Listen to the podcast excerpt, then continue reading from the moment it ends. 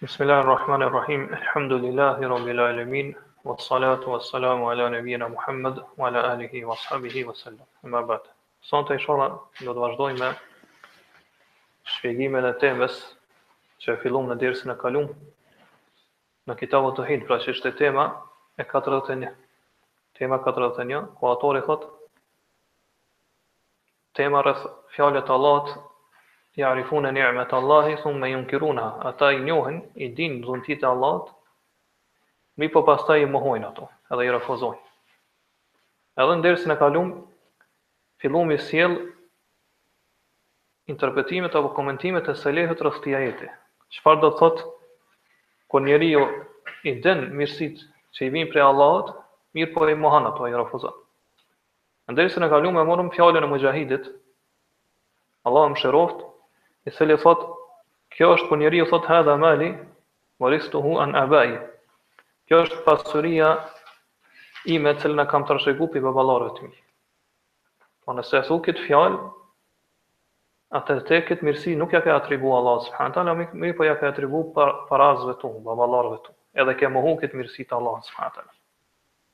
Pastaj autori fillon me sjell edhe disa komentime tjera prej selefit. Edhe thot kale Aun ibn Abdillah.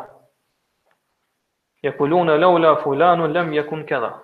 Thot kurse Aun ibn Abdillah thot ata thon sikur mos të ishte filani nuk do ndodhte filan çështja, nuk do ndodhte kjo gjë. Aun ibn Abdillah është prej selefit. Pra ka emrin Aun ibn Abdillah ibn Utbe ibn Mes'ud el-Hudheli. Ka qenë imam dietar i njohur i madh i selefit. Kunja tij është Abu Abdillah el-Kufi. Gjithashtu ka është i njohur me adhurimin e shumtë që ka bën ndaj Allahut subhanahu teala. Edhe ky ka vdekur në vitin 120 ose pak para vitit 120 të Hijrit.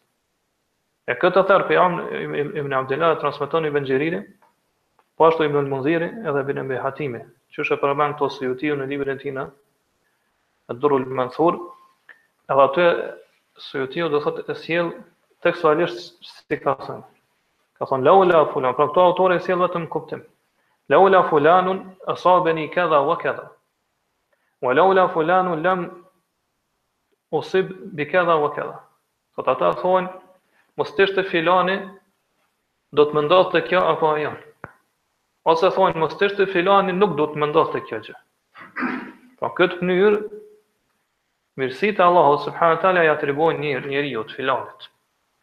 Apo largimin e një sprove, një fatkeqësie ia atribuojnë një personit. E kjo është pra që njeriu me i mohu mirësit e Allahu subhanahu taala dhuntit e tina. Kështu kësi fjalë ne hasim shumë. Për shembull, njerëzit thonë mos të ishte piloti i aeroplanit i zoti, atëherë ne do të përfundonim në humner. Po, do të rrëzohej aeroplani. Këto ja atribuojnë pilotit. Apo thonë mos të ishte shoferi, pra, po, ngasësi i kerrit i veturës, i shkathët, atëherë ne do të përfundonim aty apo aty. Pra, do të vdesnim. Apo tjetër kush thotë mos të ishte dijetari, apo mësuesi, apo profesori, i cili na ka sqaruar këtë çështje dhe na ka mësuar me kuptu, atëherë kurrë s'kishëm pas mundësi me kuptu ato. Pra dhe fjallë të ngjashme, që njeriu dhuntin edhe mirësin Allah subhanahu taala e ndërlidh për një ndërmjetës, për shkakun, po për një, për një person, për një njeri, dhe këtë kjo nuk lejohet. Ngase këtë mënyrë ti, atë dhunti atë mirësi të Allah subhanahu taala, atë nimet po ia atribon dikujt tjetër përveç Allah subhanahu taala. Po do ta dish se gjithë çështja është në dorën e Allahut subhanahu taala. Po çdo gjë që ndodh, ndodh me kaderin, me kadanën dhe kaderin me caktimin e Allahut subhanahu taala. Po çdo e mirë që të vjen ty, apo çdo e keqe që të largohet, kjo është prej mirësisë dhe dhuntisë të Allahut subhanahu taala. Kurrsesi nuk lejohet me atributi për tjetër. Edhe ajo që i lejohet, që i lejohet besimtarit ta thotë në në këtë gjendje ose në këto gjendje apo madje themi që e ka obligim, është me thonë ashtu që na ka mësuar pejgamberi sa. Laula Allah thumma fulan, mos të ishte Allahu, pastaj filani. Po këtë mënyrë ti mirësinë ose dhuntin ja atribon Allahut, edhe filanin e përmend sikur shkak, pesh, jo më shumë. Ngase pjeseza që ka këtu pastaj tregon renditje. Pra së pari e përmend Allahun, pastaj e përmend shkakun, pra njeriun. Këtë mënyrë pra shkakun e vendos në një shkallë më të ulët, shkallën e dytë. Por nuk lejohet kurrsesi që shkakun pra me vendos në shkallën e parë apo me përmend në mënyrë të veç, do thotë të vetëm, pa e përmend hiç Allahun subhanahu taala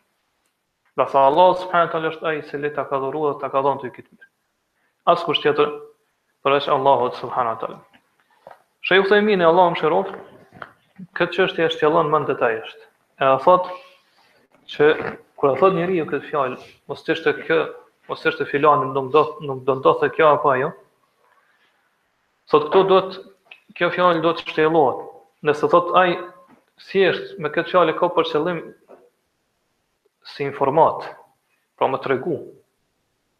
Kaq, nuk ka qëllim që atë mirësi mi atribu shkakut ose filanit. Thot, nëse ai lajm, ai informat është i vërtet, edhe në përputhje të plot me realitetin, atëherë thot nuk ka të keqe me thonë këto. Mirëpo nëse thot ai me këtë fjalë ka për qëllim shkakun, Pra që atë mirësi, atë dhunti m'i atribu shkakut përmes cilës i ka ardhë ajo mirësi, atëherë thotë këtu njeriu që e thotë këtë fjalë i ka tri gjendje. E para është me besu, me ai shkak me qenë shkak i fshehtë, që absolutisht nuk ka kurrfarë ndikimi në këtë univers. Për shembull, disa njerëz thonë mos mos mos të ishte filan evlijaja, që shi besojnë ata, atëherë nuk nuk do ndodhte kjo apo ajo. Po shehu ti ose evlija, ati veliu ti evlija që e beson edhe adhuron, ja atribuon këtë çështje, thotë mos të ishte ai nuk do ndodhte kjo. Apo do të më goditke një e keqe, nuk do të më goditte një e keqe e kështu. Kjo është shirk i madh.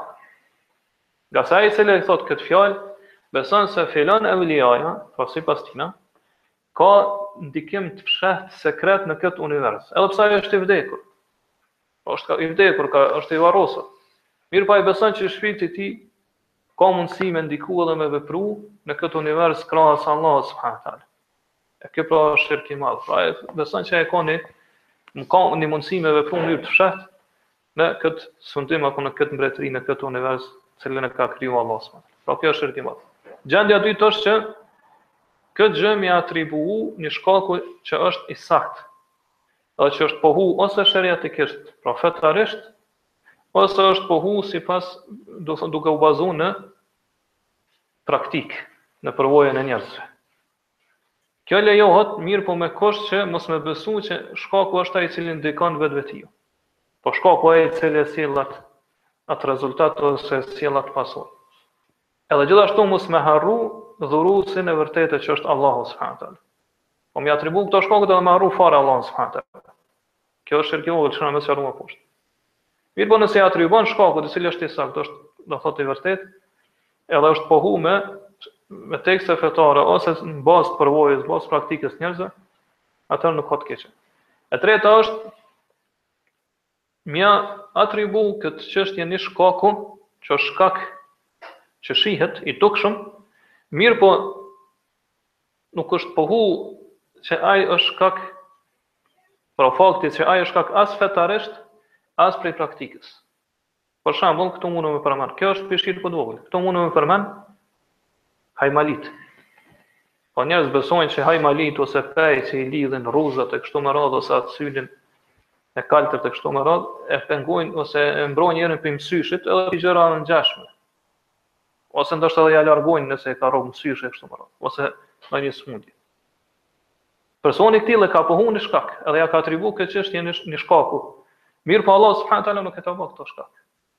Se ka s'ka thonë që hajmalitë janë shkak që juve u lejohet me ndërmarr, me marr do thotë më me me me me më me do thotë me me praktiku ose me zbatu ato shkaqe. S'e ka thonë këto.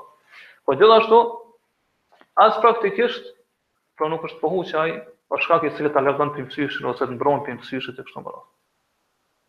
Kështu që në këtë rast ai personi i cili e ka e ka ia ka atribu këtë çështje këtij shkaku, atë shkak e ka bërë si ortak me Allahun subhanahu wa taala. E ka bërë ortak me Allahun subhanahu wa taala, edhe në këtë rast themi që është shirk i vogël. Këtu mundemi me përmend edhe një çështje që ndoshta është dashur me përmend më herët, mirëpo për shkak të rëndësisë, shërimi me bioenergji që e përmendin.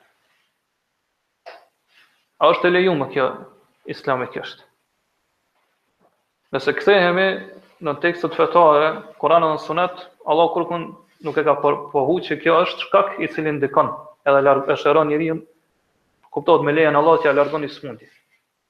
Nuk u përmend kjo. Nëse nëse kthehemi praktikisht, gjithashtu nuk është e vërtetuar kjo.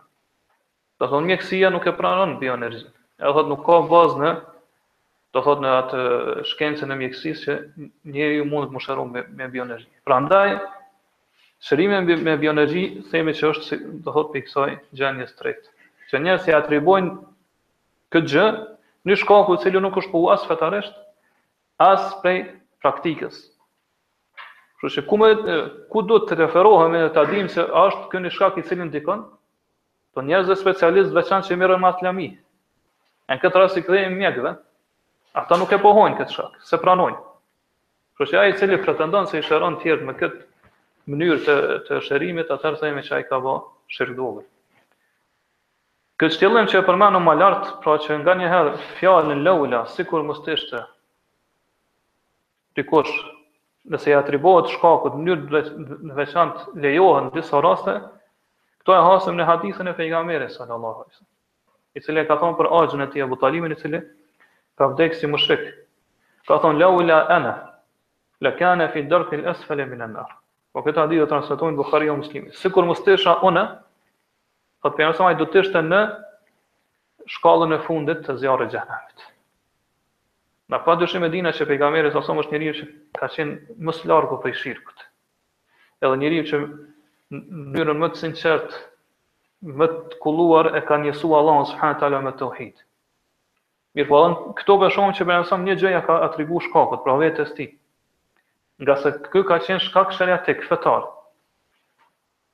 Ngase Allahu subhanahu wa taala e ka lejuar pejgamberin sa me ndërmjetësu për axhën e tij për Abu Talibin, po do t'ia lejojë në ditën e Kiametit, që me ia lehtësu zjarrin e gjah, dënimin në zjarr xhehenemit. Edhe ai do të jetë në një cektin të zjarrit të xhehenemit.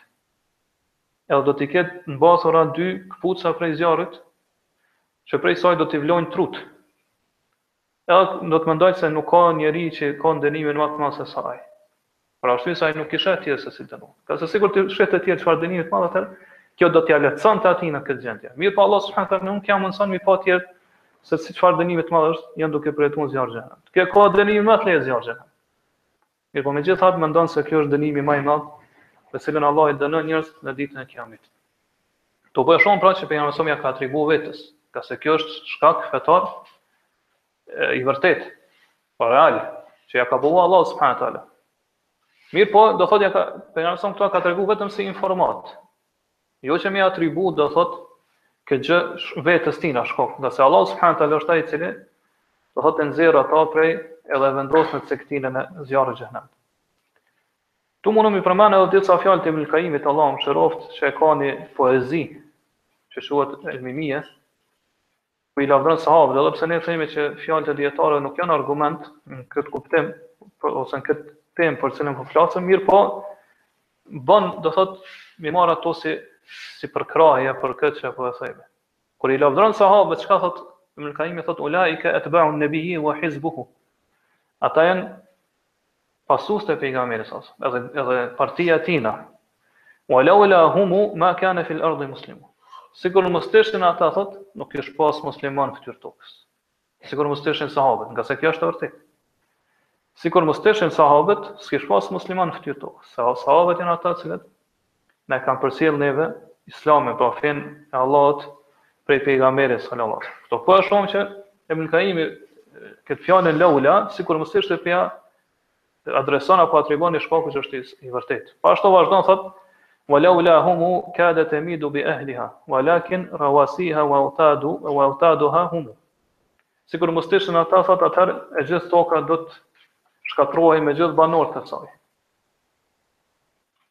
Mirëpo thotë ata janë shtylla dhe malet që e mbajnë këtë tokë. Se nëse s'ka toka musliman atëherë bëhet kiameti. Kështu që shkaktar se për me përcjell islamin te gjeneratat e mëdha janë sahabët. Prandaj ata janë shtyllat edhe malet që e mbajnë fort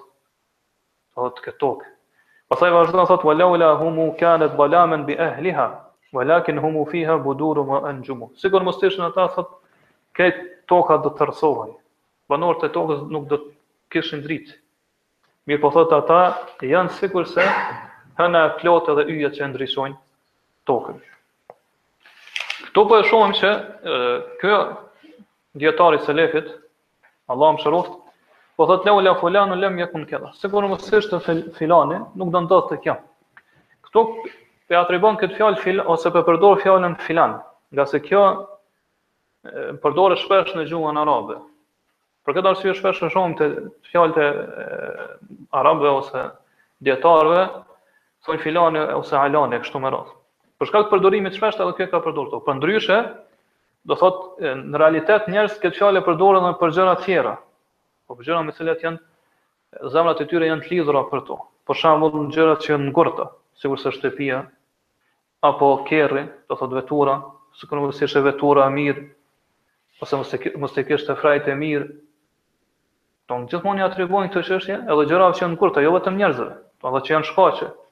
Apo aeroplani, apo një një pjesë e tokës, një copë e tokës, apo shiut, apo uji, do ia atribojnë, sikur mos t'ish ajo, sikur mos t'ish ky, apo reve, ajrit e kështu me radhë, domethënë fjalë ngjashme, po ja atribojnë këtë dhunti, ose njeriut, ose një, një pjesë e tokës, ose veprës dikujna, ose zanatit, profesionit dikujna,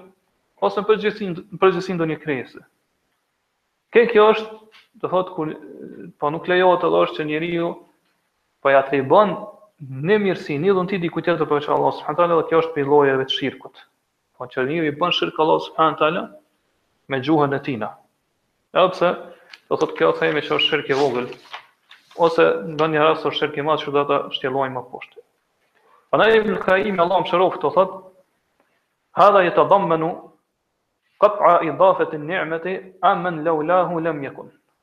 Thotë kjo fjalë e këtij selefit përfshin ose e përmban faktin që thotë e shkput ose e ndërpren njeriun pra detyron me me me shkput që mos me atribu nimetin, e dhuntin dikujt tjetër se edhe thotë sikur mos ishte mos ishte ai, nuk do ndodhte kjo.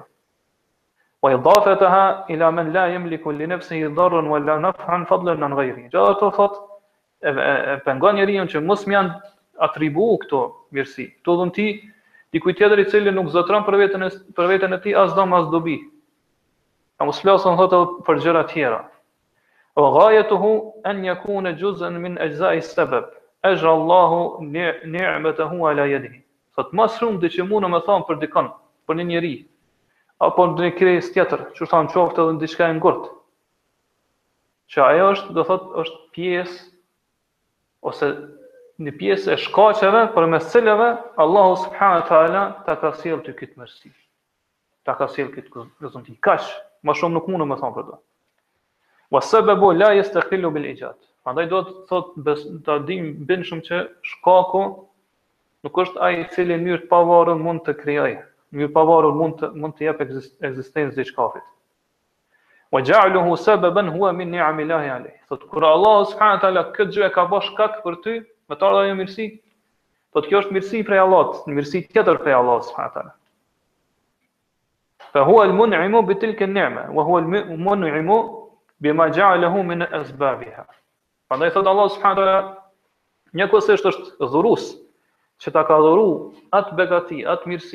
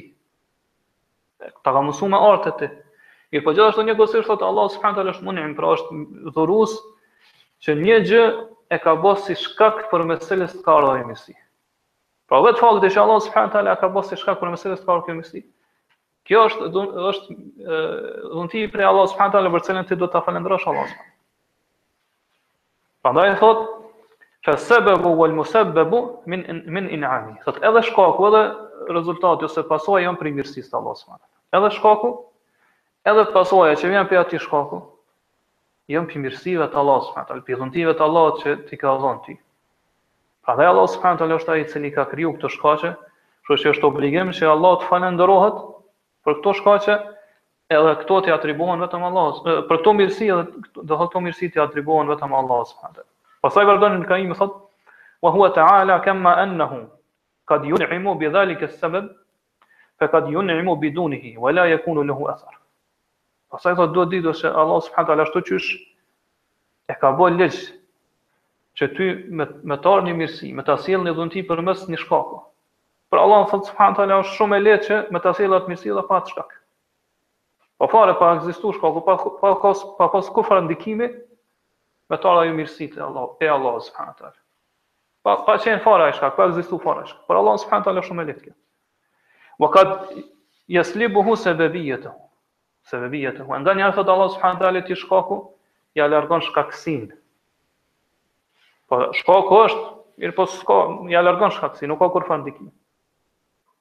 Qysh ka ardhur në hadith në Sahih Muslim që pejgamberi sa ka thënë lejse senetu en la tumtaru. Nuk është thatësi e vërtetë që meriton të quhet thatësi.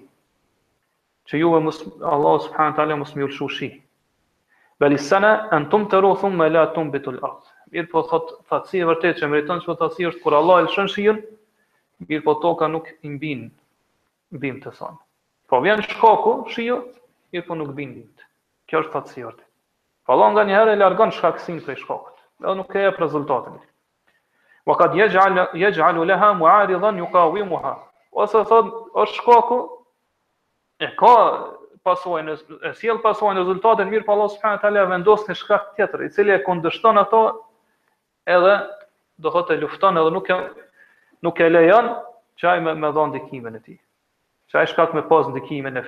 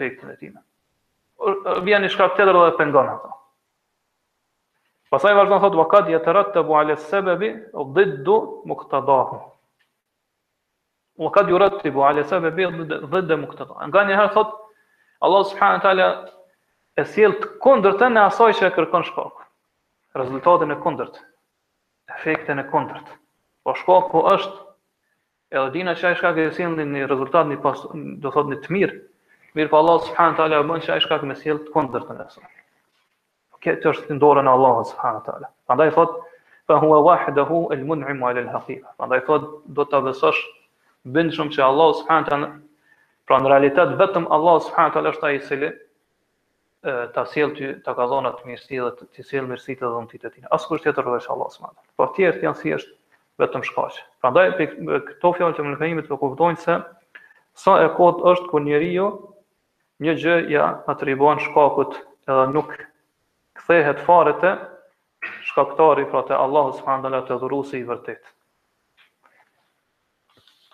Pastaj autori vazhdon me sjelljen e interpretimeve tjera që flasin në në këtë temë, thotë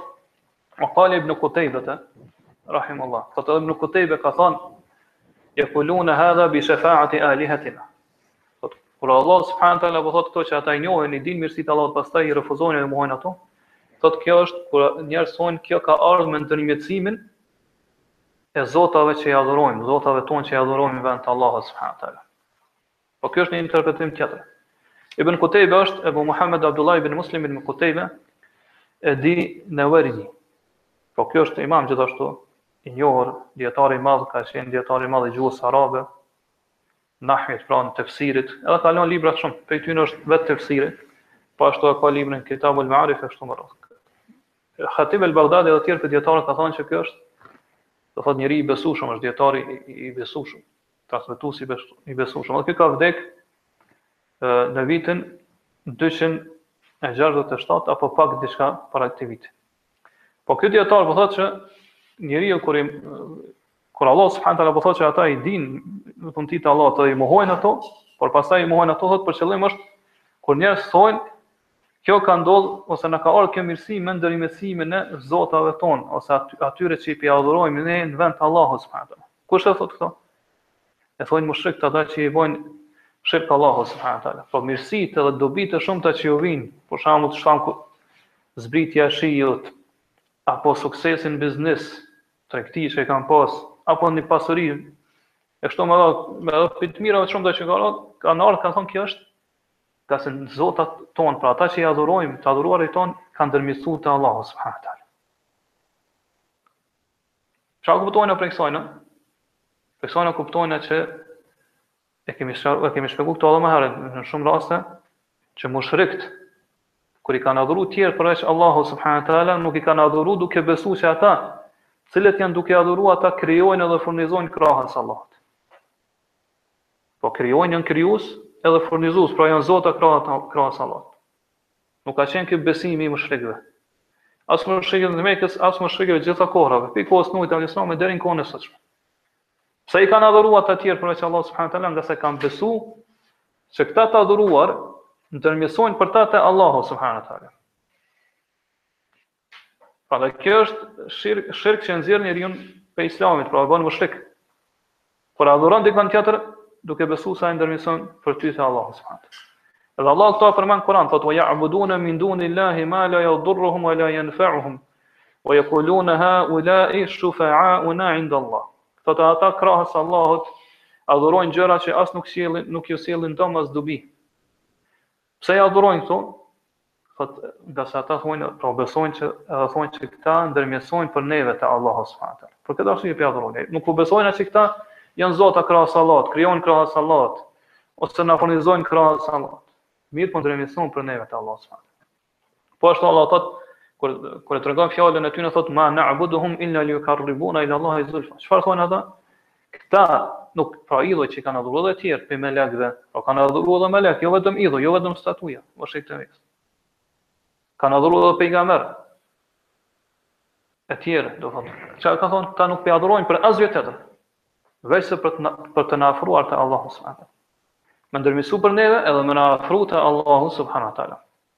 Kështu ka qenë besimi dhe itikadi i tyne.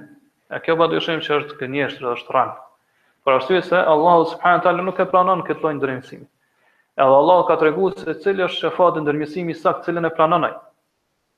Po në Kur'an, këtë temë kemi fol më, më gjerësisht në të kalumen, e ka përmend që ndërmjetësimi për me qenë i saktë dhe pranuar te Allahu subhanahu wa taala duhet t'i plotësojë dy kushte. E para është që Allahu subhanahu wa taala me i dhon leje ndërmjetësuesit.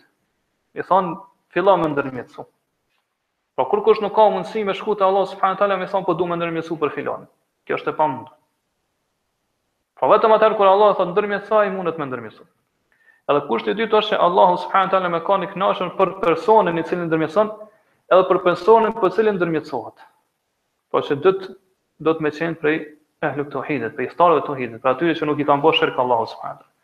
E mushrikët e Mekës, edhe mushrikët në përgjithsi, gjatë gjith, gjitha kohërat që kanë jetu, janë afru, pra te këta idhuj që i kanë adhru në vend të Allahut subhanahu edhe të tjerë që i kanë adhru në vend të Allahut, me, me adhurime të ndryshme, ose kanë therë kurban për hirë tyre, ose janë zotu në emër tyre, ose kanë bo tavaf rreth përreth tyre e kështu me radhë. Gjitha këto adhurime që i kanë kry, kanë thënë haulai shufa'una inda Allah. Këta janë ndërmjetësuesit tonë te Allahu. Pra ata për këtë arsye i adhurojnë. Njëjtën gjendje ne e shohim sot te adhuruesit e varreve. Ata shkojnë edhe therin për hir të atyre varreve. Zotohen në emër tyre. I thrrasin prej larg me emrat e tyre.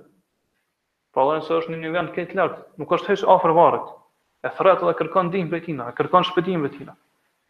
Dhe çka thonë, na nuk po bajna shirk të madh, ngase na nuk po besojna që këta krijojnë edhe furnizojnë krahas Allahut. Pra këta ata e kanë keqkuptu shirkun. Mendojnë që shirk është vetëm kur njeriu beson që dikush është zot bashkë me Allah.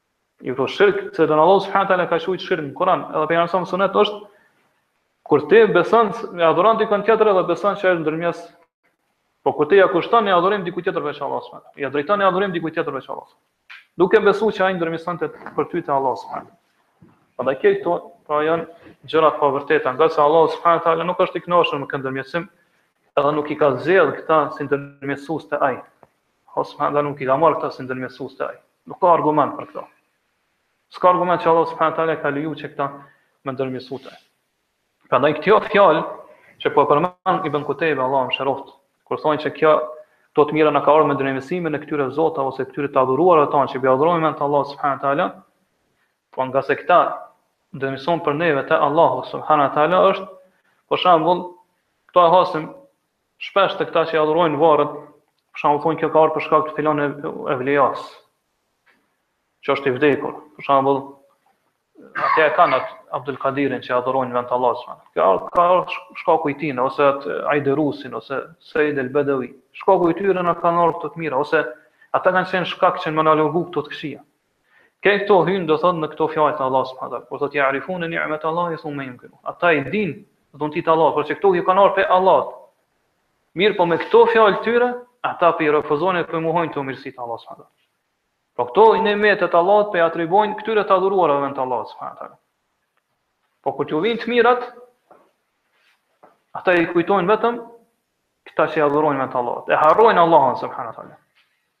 E harrojnë atë që në realitet jau ka sjellë këto të mira dhe ja ka dhënë këto të mira. Pra Allahu subhanahu taala. Dhe gjithashtu e harrojnë që Allahu subhanahu taala nuk e pranon këtë ndërmjetësim. Ngase kjo është shefat i shirkut, është ndërmjetësim i shirkut që përbën shirk. Prandaj Allahu nuk e pranon, nuk e pranon këto mënyra ndërmjetësimi që ata i pretendojnë. Po kjo është rruga e mushrikëve në kohërat e vjetra dhe në kohët e tashme që e kanë ndjek pra i kanë adhuru tjerë në vend të Allahut subhanahu wa taala. Gjithmonë kanë pretenduar që ata janë ndërmjetësa mes tyre dhe mes Allahut subhanahu wa taala. Prandaj kjo fjalë që po përmendim në këtë temë për shkak që është shumë më e keqe se sa ato interpretime të mëhershme që i kanë përmend dijetarët. Ngase këta e kanë bashku bë bashkë dy gjëra. Të dhe dhe shirkun e madh pra kur e kanë adhuruar dikon tjetër veç Allahu subhanahu wa taala edhe Në anën tjetër, do thotë e kanë pohu një shkak që është prej shkaqe, shkaqeve më të kota, më të papranueshme, më të pavërteta. E që është, do thotë se ndërmjetësit e tyre ose adhuruesit e tyre, të adhuruarit e tyre ndërmjetësojnë për ta te Allahu subhanahu wa taala. Po bëjnë shefat ndërmjetësojnë për ta te Allahu subhanahu wa taala. Po këta kanë bërë bashkë mes dy të këqijave. Edhe shirkun e madh, duke adhuruar këta në vend të Allahut edhe duke pohu një shkak i cili realisht nuk është shkak, po nuk është shkak i vërtetë s'ekziston. Prandaj Ibn Qayyim në këtë kuptim flet dhe thotë Hadha yatadammanu shirka ma idafati an-ni'mati ila ghayri waliyyiha. Thotë kjo fjalë që ka përmendur Kutejbe e përfshin edhe shirkun e madh, edhe faktin se këta ja kanë atribuar këtë nimet, këtë dhunti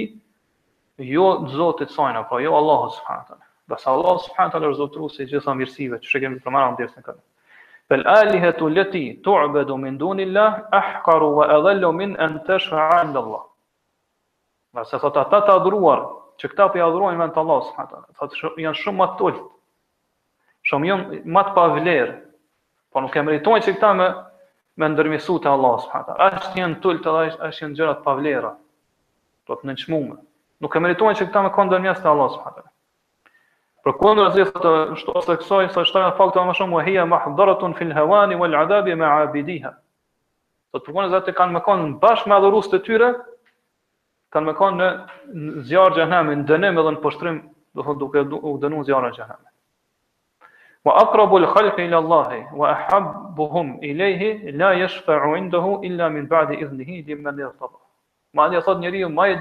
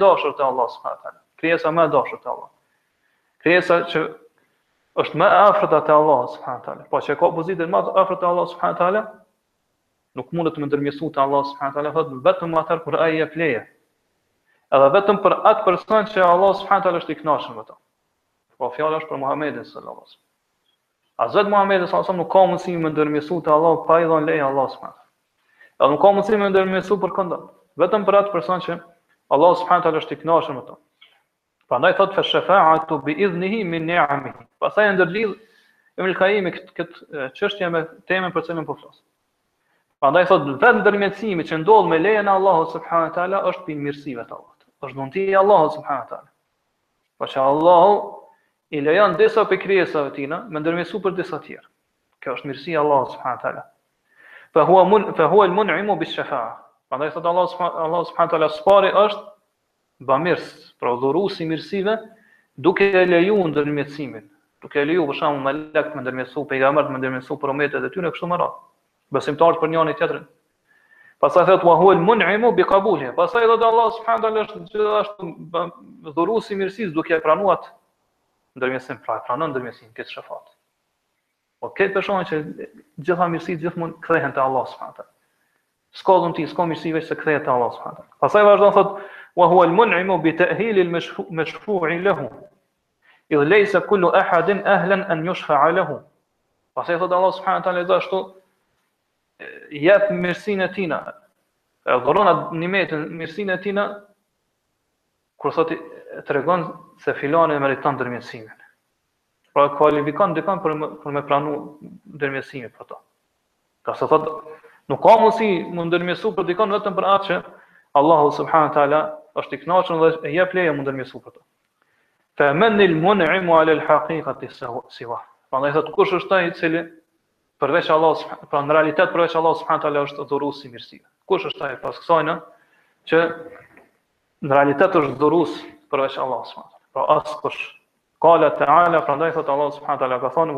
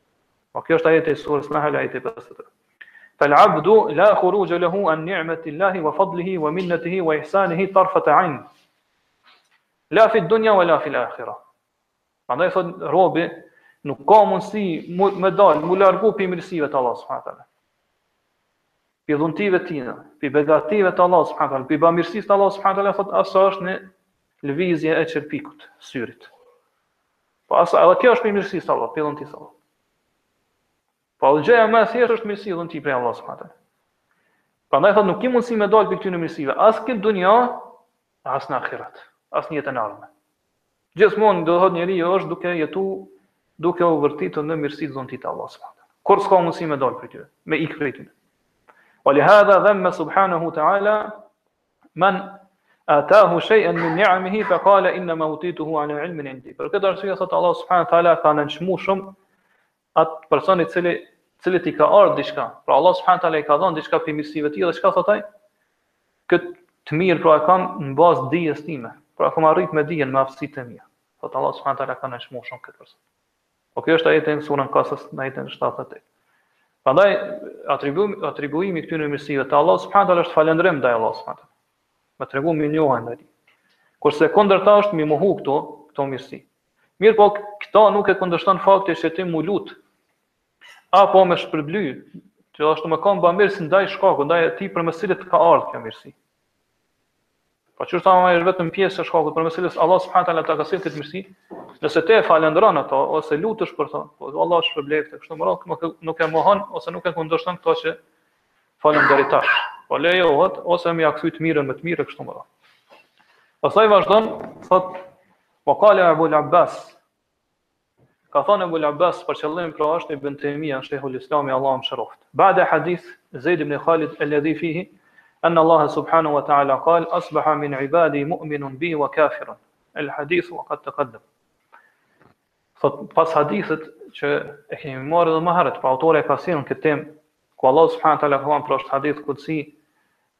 Janë zgjuar në mëngjes po, prej robërve të mi dy grupe, ata që më besojnë mua dhe ata që më mohojnë mua.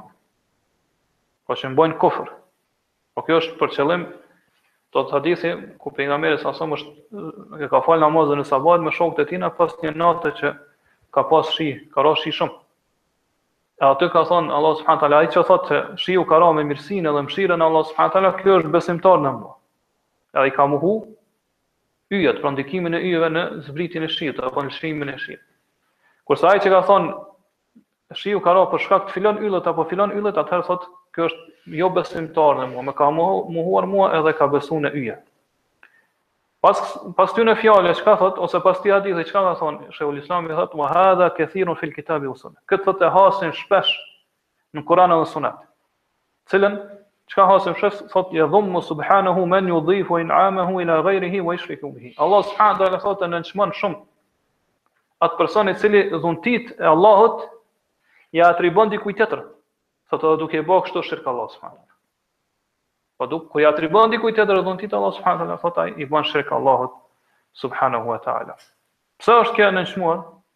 Për shembull, na mundem me marr në në në shembull ose në krahasim prej jetës përditshme.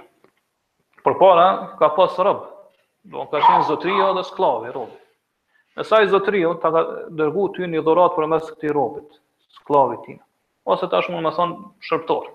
Ta ka dërgu një, një dhuratë.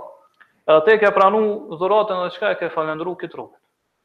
ose këtë shërbëtor, s'e ke falendëruar zotrinë. Çka tregon kjo? Po kjo tregon për sjellje të keqe tënde ndaj tij. S'je i mirësjellë shumë. Po a ke vë sjellje të keqe, ngase ai ka qenë thjesht veç ndërmjetësues shkak. Po duhet me falendru ai që ta ka dhuru. E më keqe se se kjo është kur ti do thot mirësin e Allahu subhanahu teala e atribon, po kjo shumë ma e shëmtuar e atribon shkakut, po jo krijuesit, jo Allahu subhanahu teala. Dhe ky shirk që po e përmendim Ibn Tejmija Allahu mëshiroftë këto. Po që njeriu kur i atribon këto i ban shirk Allahu subhanahu wa taala nuk është shirk që njeriun e nxjerr prej prej fes. Po nuk është shirk i madh, është shirk i vogël. Përveç në rast nëse njeriu kur i atribon këtë dhunti, këtë mirësi, dikujt tjetër përveç Allahu subhanahu wa taala e beson, pra ai shkaku e beson që ai shkaku është krijues, ai shkaku është, do thot vetvetiu ndikon, edhe vetvetiu do thot vepron. Këtë rast do thot bën shirk të madh. Mirëpo, nëse e beson që ai vetëm shkak, mirëpo prapë se prapë, po ja atribon këtë mirësi atina, shkakut, atëherë ka bërë shirk të vogël. Kjo është shirk i vogël. Pra po don me pas kujdes shumë, njeriu, gjatë fjallëve tina, gjatë se si po shprehet ai.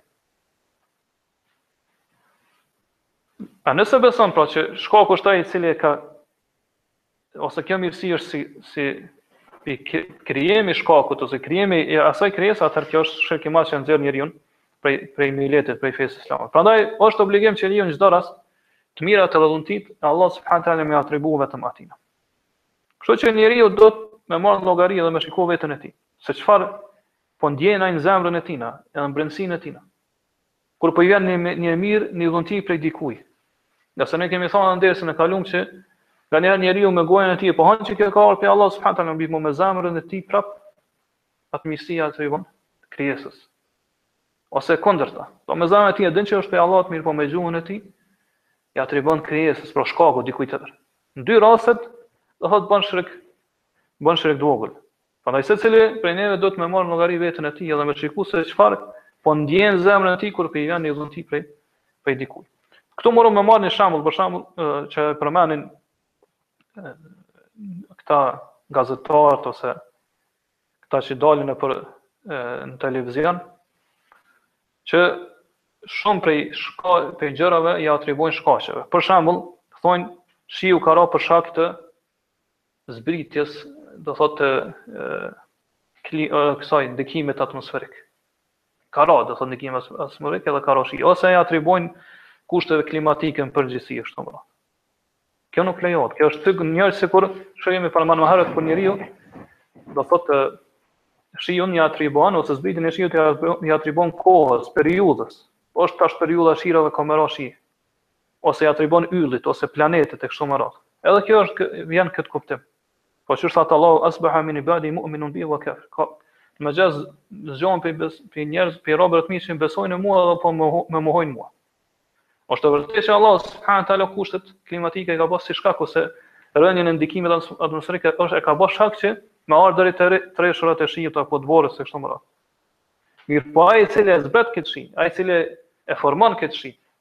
Ai i cili e krijon këtë shi është Allahu subhanahu teala.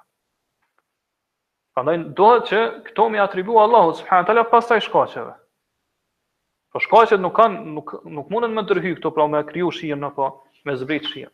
Ato thjesht janë shkaqe që i ka kriju Allahu subhanahu teala. Prandaj na e shohim që në shumë vende ku do thotë njerëzit nuk kanë probleme me thatësi nëpër disa kontinente po ose shtete dhe vende. Bjen shi, do thotë gjatë verave bjen shi me të madhe. sasi të shumta.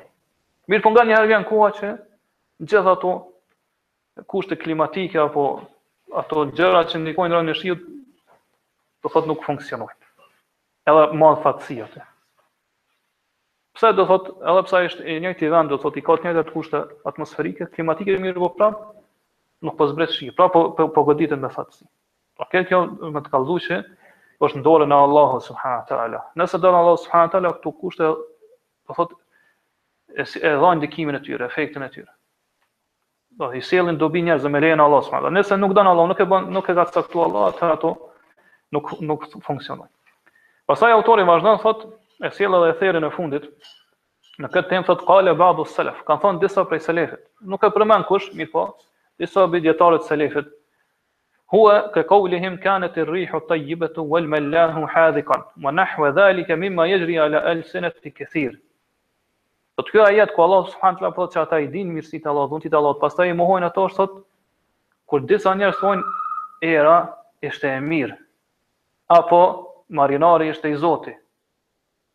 Sot edhe fjalë të ngjashme që shpesh i hasim në gjuhët e njerëzve, po që në fjalët e njerëzve.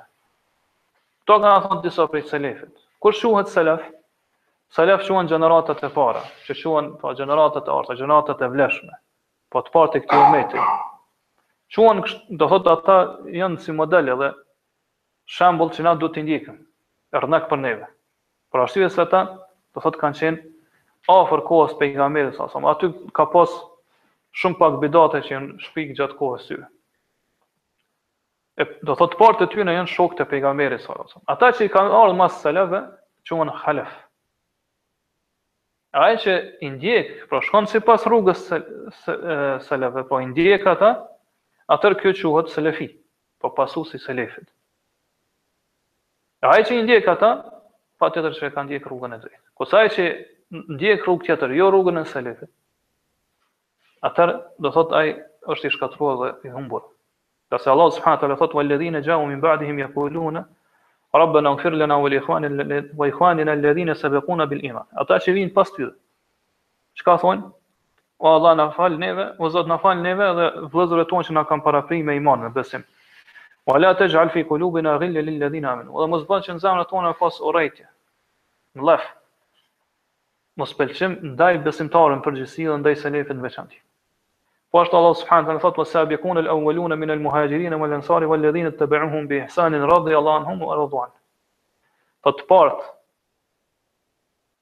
që kanë parapri me iman, pra që kanë, e kanë pranu të partë islamin, prej muhaxhirëve ensarëve, dhe ata që kanë ardh mas tyre, edhe i ndjekin ata në të rrugën e tyre të mirë, rrugën e tyre të drejtë, dhe ata, Allah është i knaqun me ta, dhe ata janë knaqun me Allah, s.a. Prandaj, Njeri është mes këtyre dy grupeve, ose ka me qenë prej muhaxhirve dhe ensarve, ose ka me qenë, me qenë prej atyre që i ndjekin dhe i pasojnë ata.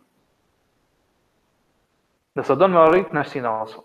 Prej muhaxhirve dhe ensarve, po dhe mas tyre nuk ka mundësi me qenë. Kshtu që ti duhet t'jesh prej atyre që, po thotë Allah i ndjekin dhe i pasojnë ata në këtë rrugë të drejtë, këtë rrugë të mirë. Në të cilën Allah subhanehu teala është i knaqun, edhe, për, edhe me rrugën edhe për ndjekësit e saj. Kjo po tregon Po dikush prej selefit ka thënë që kjo është kur thonë ata që era ka qenë e mirë apo marinari ishte i zoti. Po në këtë mënyrë ata i refuzojnë edhe mohojnë mirësitë e Allahut subhanahu Po kur të thonë n'det, po kjo ka qenë kohën kur anijet kanë ecë me erë. Po i kanë bërë velat edhe i kanë drejtuar velat kah era dhe pastaj nëse ka qenë era e mirë e përshtatshme, do thotë ka ecë anija. Edhe këtë mirësi pra ia kanë atribu anijes.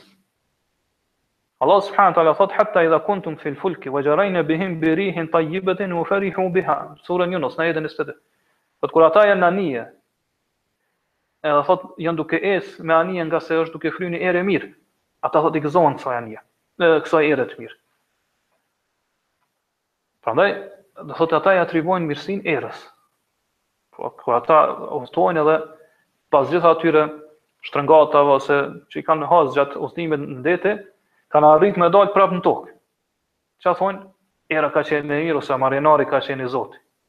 Nuk thonë kjo është me mirësinë e Allahut subhanehu teala, Allahu subhanehu teala është ai i cili na shpëtoi, Allahu subhanehu teala është ai i cili na nxori prapë në tokë. Mirëpo i atribuojnë këtë mirësi erës ose marinarit. Pra këto, marinari pse quhet melah. Melah, që shkakun këtu pse quhet, ngase do thot ai vazhdimisht udhton nëpër ujë të njelmët, ngase arabisht krypës i thojn milh. E përderisa do thot marinarët kanë udhëtu nëpër oqeane, nëpër deta që kanë qenë njelmëta u quajt melah. E këta që thojn kur marinari është i zoti, Pra arrin me me me, me zotru profesionin e vet, do thot me me me drejtu anijen, kjo ka qenë shkak që ne kemi shpëtu, do thot kemi dalë pra në tokë. Këtë mënyrë po këtë gjë ia atribuojnë shkakut dhe jo krijuesit, jo Allahut subhanahu wa taala. Prandaj njeriu njeriu në këso raste e ka obligim që me thon Allahu subhanahu wa taala është ai që na ka shpëtuar ne. Allahu subhanahu wa taala është ai i cili e ka lënë në shërbim tonin ose na nënshtroi neve këtë erë të mirë.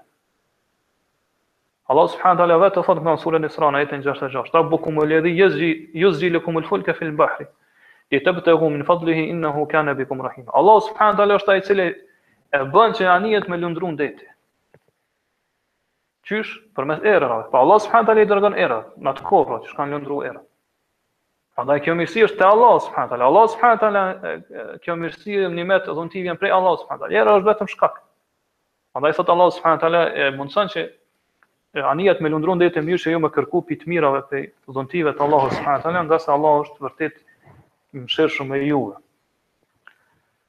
Ose gjithashtu me thon Allahu subhanahu teala është ai i cili i ka dhënë forcë, i ka dhënë aftësi marinarit.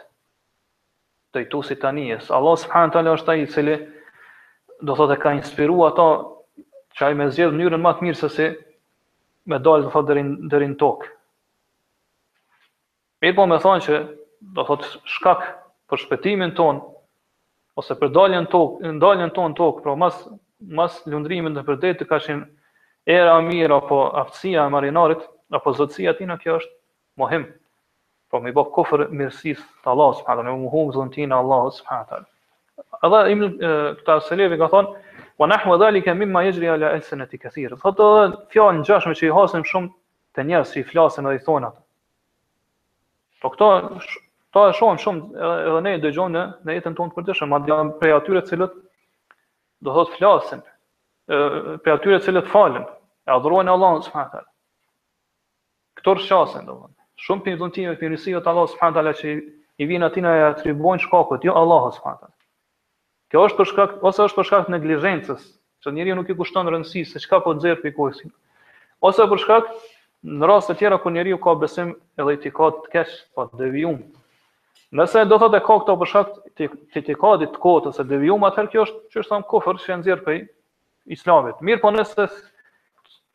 Kjo thjesht për shkak të neglizhencës, që njeriu nuk i kushton rëndësi fjalës tina, çka bën se nxjerr prej gojës tina, duke besuar që Allah subhanahu wa taala është ai i cili e ka kriju këtë çka ka. Allah subhanahu wa taala është ai i cili ka sjell këtë këtë mirësi, mirëpo nuk i kushton rëndësi fjalës, atëherë kjo është kufër i vogël. Është shirk i vogël. Prandaj edhe quhet kufrun nime, pra me mohu nimetin dhuntin e Allah subhanahu wa taala, me bë kufër dhuntin e Allah subhanahu wa taala. Pra këtu po e shohim se kjo temë vërtet është temë madhështore.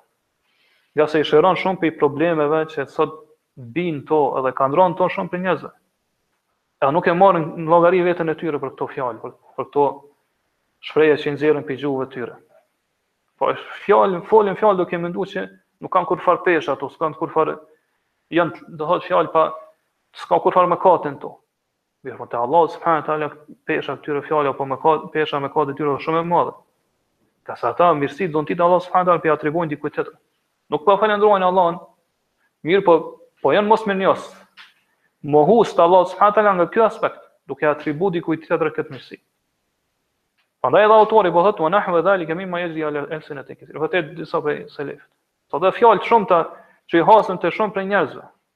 Po pra dona me na e rujt veten që mos me ra në këto gjëra, po do thot që na, na shkatërrojnë neve dhe fenë tonë, teuhidin tonë.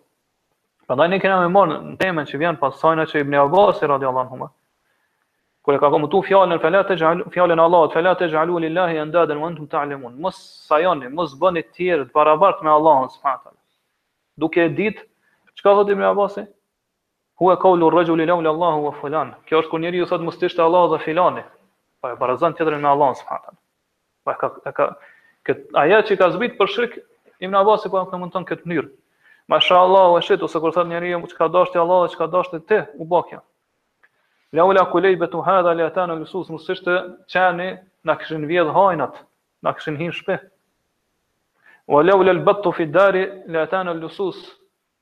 Mos të ishte filan pata, nga se nganjëherë edhe patat përdoren si si roje do thotë në vend qenit në disa vende, do të ishin kishin me na vjedh hajnat, kishin me hi në shpi. Edhe fjalë ngjashme që Ibn Abasi, qysh kena me marrë inshallah teala, e ka llogarit që kjo është me ba të tjerët të barabartë me Allahun, me konsideru, me saju tjerë të barabartë me Allahun, subhanahu wa taala.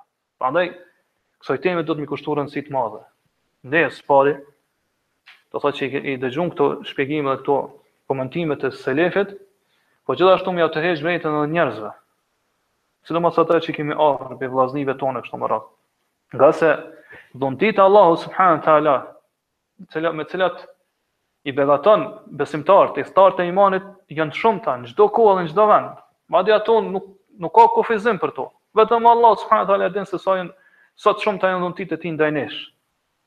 Për këtë arsye gjitha këto dhunti, gjitha këto mirë, të mira, gjitha këto nimete duhet t'i atribosh dhe t'i adresosh vetëm Allahut subhanahu wa taala. Qysh e morëm ajetin më herët që kemi thanë në dersin e kaluar. Wa amma bi ni'mati rabbika fa haddith. Mirësitë e Zotit ton, dhuntitë e Zotit ton, shpalli, fol, përmendi ato. Po kemi thënë në dersin e kalum që kjo është shkalla e parë e falënderimit ndaj Allahut subhanahu teala. Që ti ato mirësi ato dhunti prej Allahut që të kanë ardhur duhet me i shpall, me me jau përmend të tjerëve. Për shembull, me thanë kjo është mirësi prej Allahut, dhunti prej Allahut, nimet prej Allahut na ka dhënë këto. Mirëpo nëse zemra jote do thotë anon edhe kthehet nga një dikush prej krijesave, prej shkaqeve atëherë dije që do thotë ti ke ba këtë lloj të shirkut.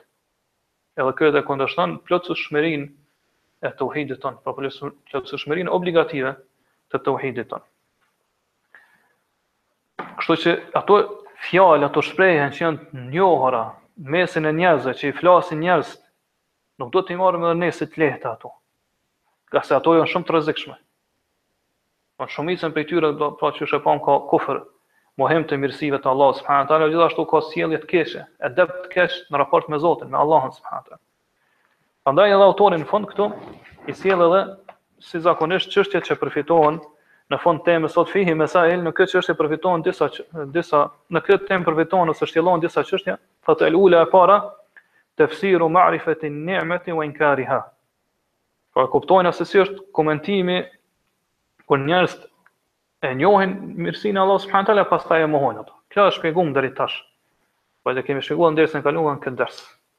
Po prej kësaj mund mund me thanë që qysh e pam me atribu dikujt tjetër mirësinë, përveç Allahut ose me atribu mirësinë Allahut subhanahu taala, dhuntitë dhe mirësitë e Allahut subhanahu taala, kjo është prej imanit në Allahun subhanahu taala.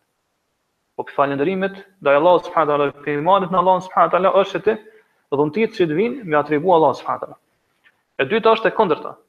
Që përfitohet prej saj, prej kësaj pike që ka sjellë autori, ose çështjes së parë.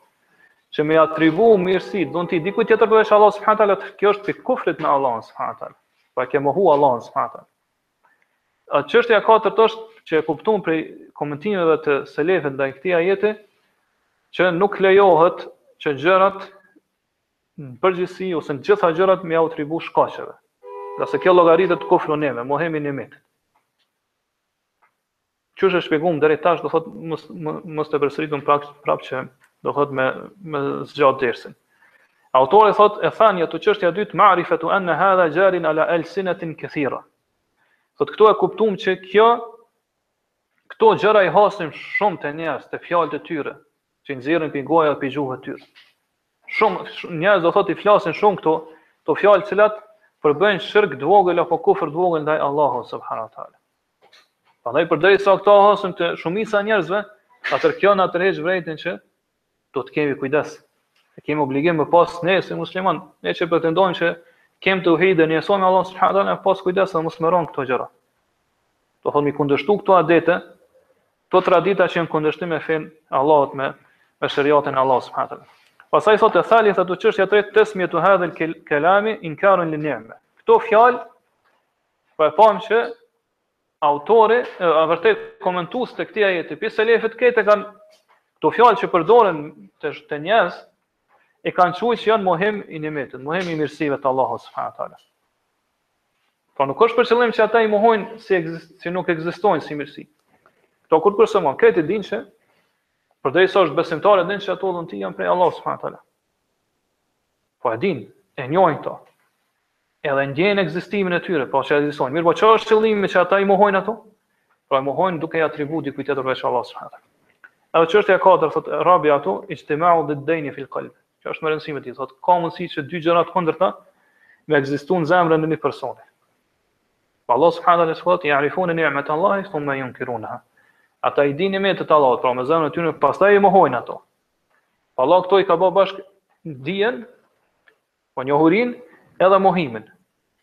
Pra edhe pi kësaj çka përfitojna, përfitojna që ka mundësi që te një person me me ekzistu një veçori apo një tipar i kufrit edhe një tipar apo veçori e imanit. Ose do thotë ka mundësi që te personi me ka një tipar ose një një një cilësi e mëkatit, e fiskut, edhe e, e besushmërisë, po që është besimtar i mirë.